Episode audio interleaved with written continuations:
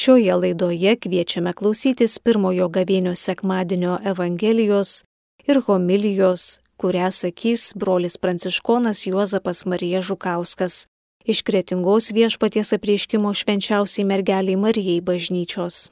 Antroje laidos dalyje girdėsime popiežiaus pranciškaus katechezę apie krikščionišką viltį, kurią skaitys seminaristas Saulis Komantas. Pasiklausykite Šventojios Evangelijos pagal Morkų. Anu metu dvasia Jėzų pakino nukeliauti į dykumą. Jis praleido dykumoje keturiasdešimt dienų šitono gundomas, buvo kartu su švirimis ir angelai jam tarnavo. Kai Jonas buvo suimtas, Jėzus sugrįžo į Galilėją ir ėmė skelbti gerąją Dievo naujieną. Atėjo įvykdymo metas. Dievo karalystė čia pat. Atsiverskite ir tikėkite Evangeliją. Girdėjote viešpaties žodį.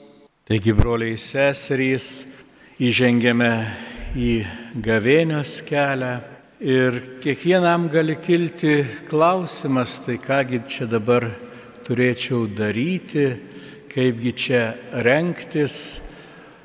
Ir bažnyčia mums visų pirma nori parodyti, o kągi Dievas dėl mūsų padarė, kokį kelią jis nuėjo tam, kad pasitiktų žmogų, tam, kad įžengtų į bendrystę su juo. Ir šios dienos Evangelija pagal Morkų mums atskleidžia didžią Dievo įsikūnymo paslapti. Iš ties, kad suvoktume, kur esame ir kas esame, turime suvokti, kas yra Jėzus ir ką jis dėl mūsų padarė.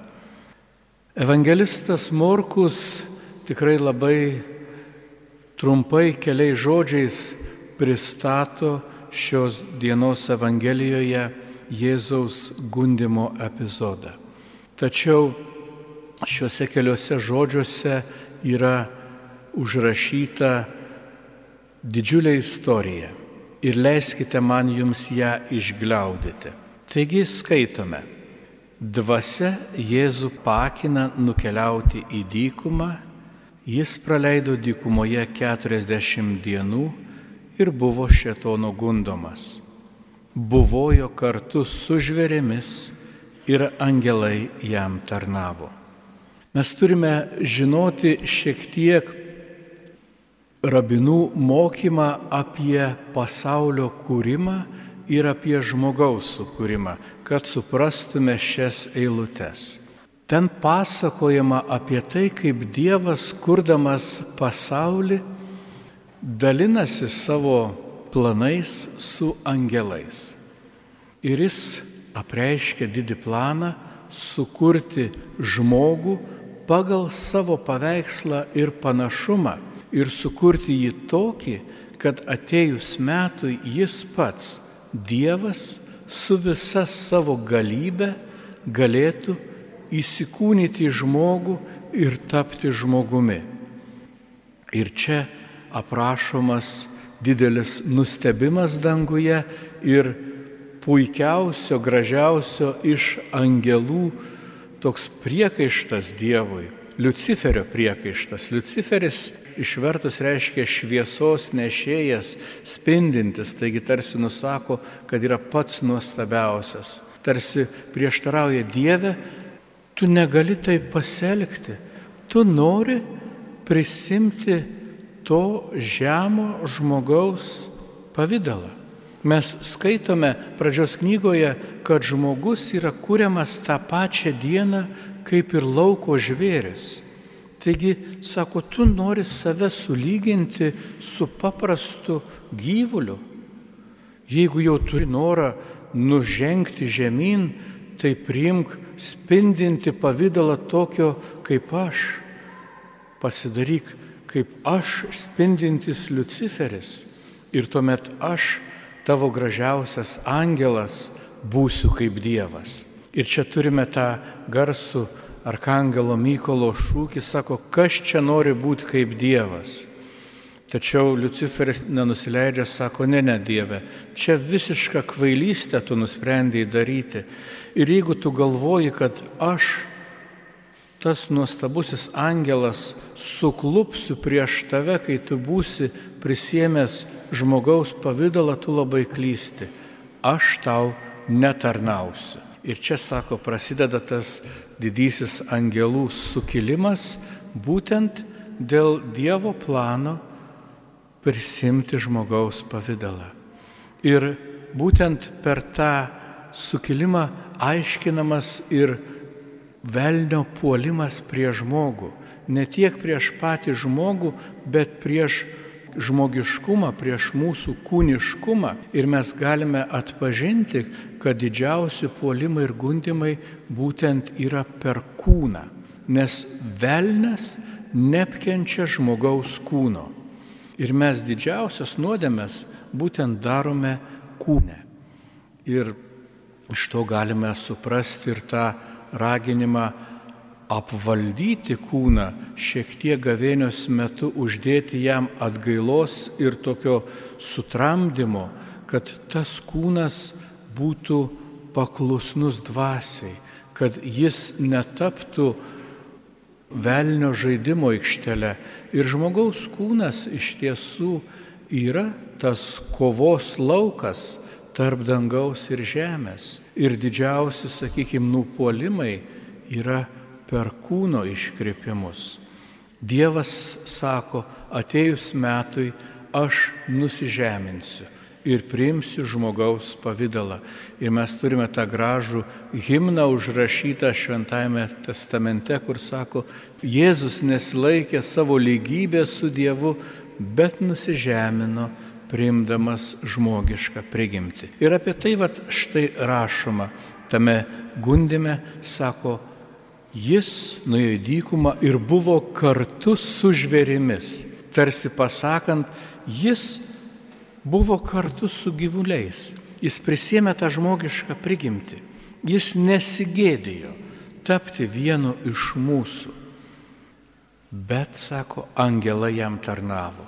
Ištikimieji angelai jam tarnavo, nežiūrint to, kad jis prisėmė žmogaus prigimti. Taigi matome tą Dievo nusižeminimą Jėzuje prisėmant mūsų kūną, tampant vienu iš mūsų, gimstant vienu iš mūsų.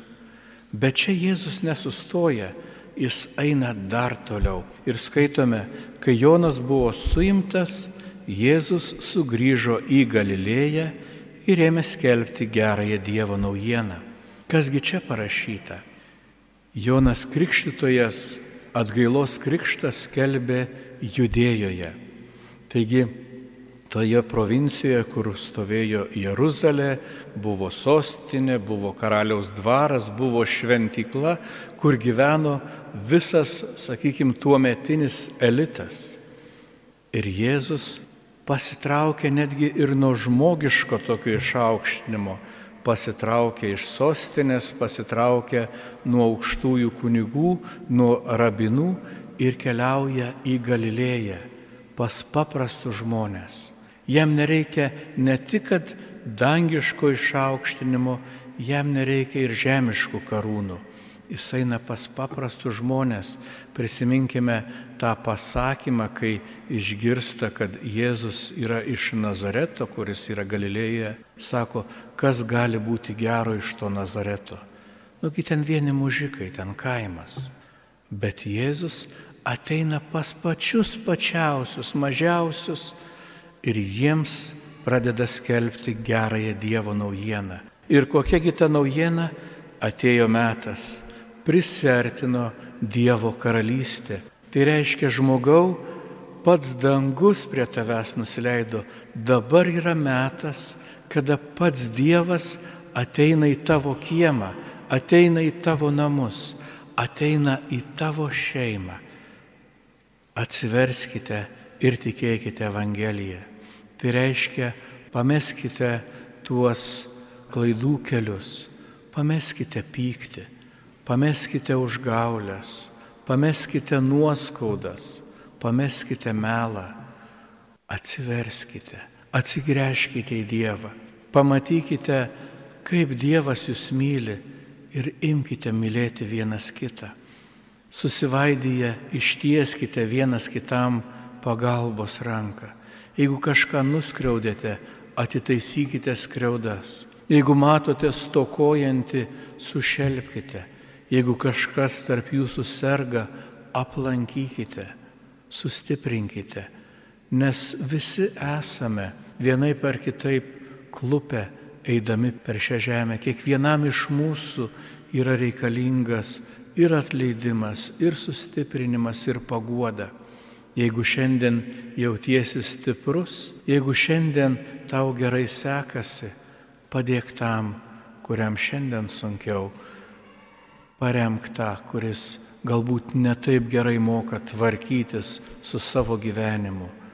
Ir tuomet į tavo kiemą ateis išganimas, į tavo namus ateis džiaugsmas ir suvokimas, kad esi Dievo malonės bendradarbis. Ir tuomet šioje gavėnėje iš ties galėsime sakyti, mums prisertino Dievo karalystė, į kretingą nusileido dangus.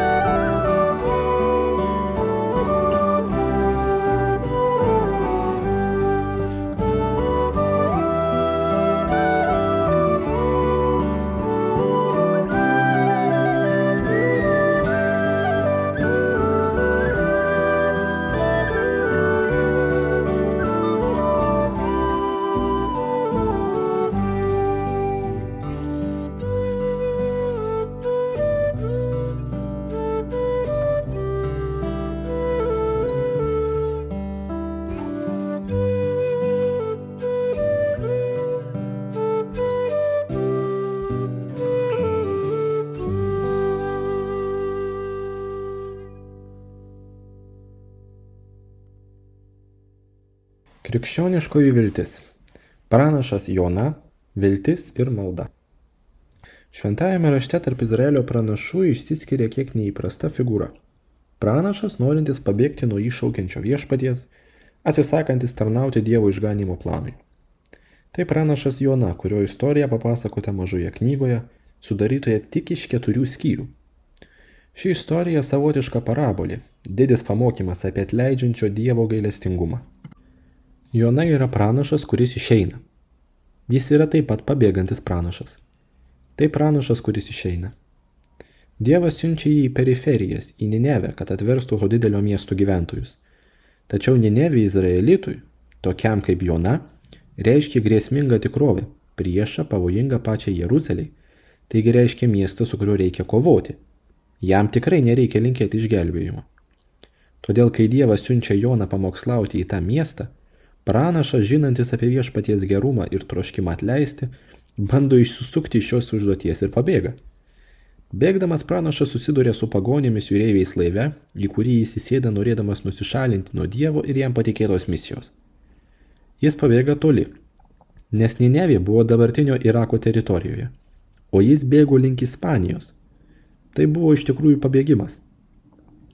Tų pagonių, taip pat vėlesnis Ninevės gyventojų elgesys, leidžia mums šiandien šiek tiek pamastyti apie viltį kuri pavojaus ir mirties akivaizdoje reiškiasi malda.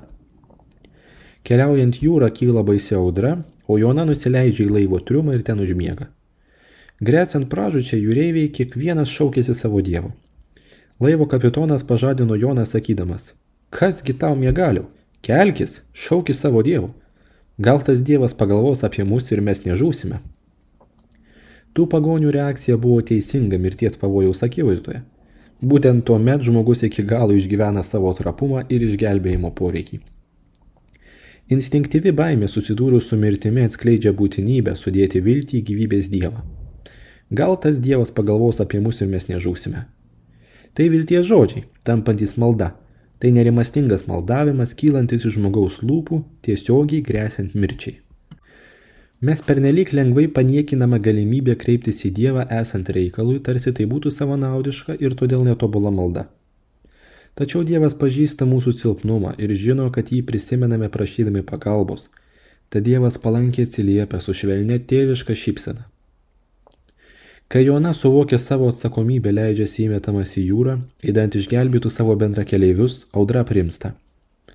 Tiesioginė mirties grėsmė nulėmė tai, kad pagonys ėmė melstis O pranašas, nepaisydamas visko, pakluso pašaukimui tarnauti kitiems, sutikdamas dėl jų pasiaukoti. Dabar jis veda išgelbėtosius, kad jie pripažintų tikrąjį viešpatį ir atiduotų jam garbę. Jūreiviai, kurie iš išgaščio meldėsi savo dievybėms, dabar su tikra viešpaties baimė pripažįsta tikrąjį dievą, aukoja aukas ir duoda įžadus. Viltis skatinusi juos melsis, kad nenumirtų, pasirodo dar galingesnė ir veda į tikrovę, kuris markiai pranoksta tai, kuo jie vylėsi. Jie ne tik nepražūva audros metu, bet ir atsiverčia bei pripažįsta tikrąjį ir vienintelį dangaus ir žemės viešpatį. Po to ir Ninevės gyventojai iškilus sunaikinimo grėsmiai melsis vildamiesi Dievo atleidimu. Jie atliks atgailą, šauksis viešpaties ir atsiversi jį pradėdami nuo karaliaus, kuris kaip laivo kapitonas išreikš viltį sakydamas, kas žino, Rasi Dievas pasigailės ir atleis, rasi sulaikys savo degantį įniršį ir mes nežūsime.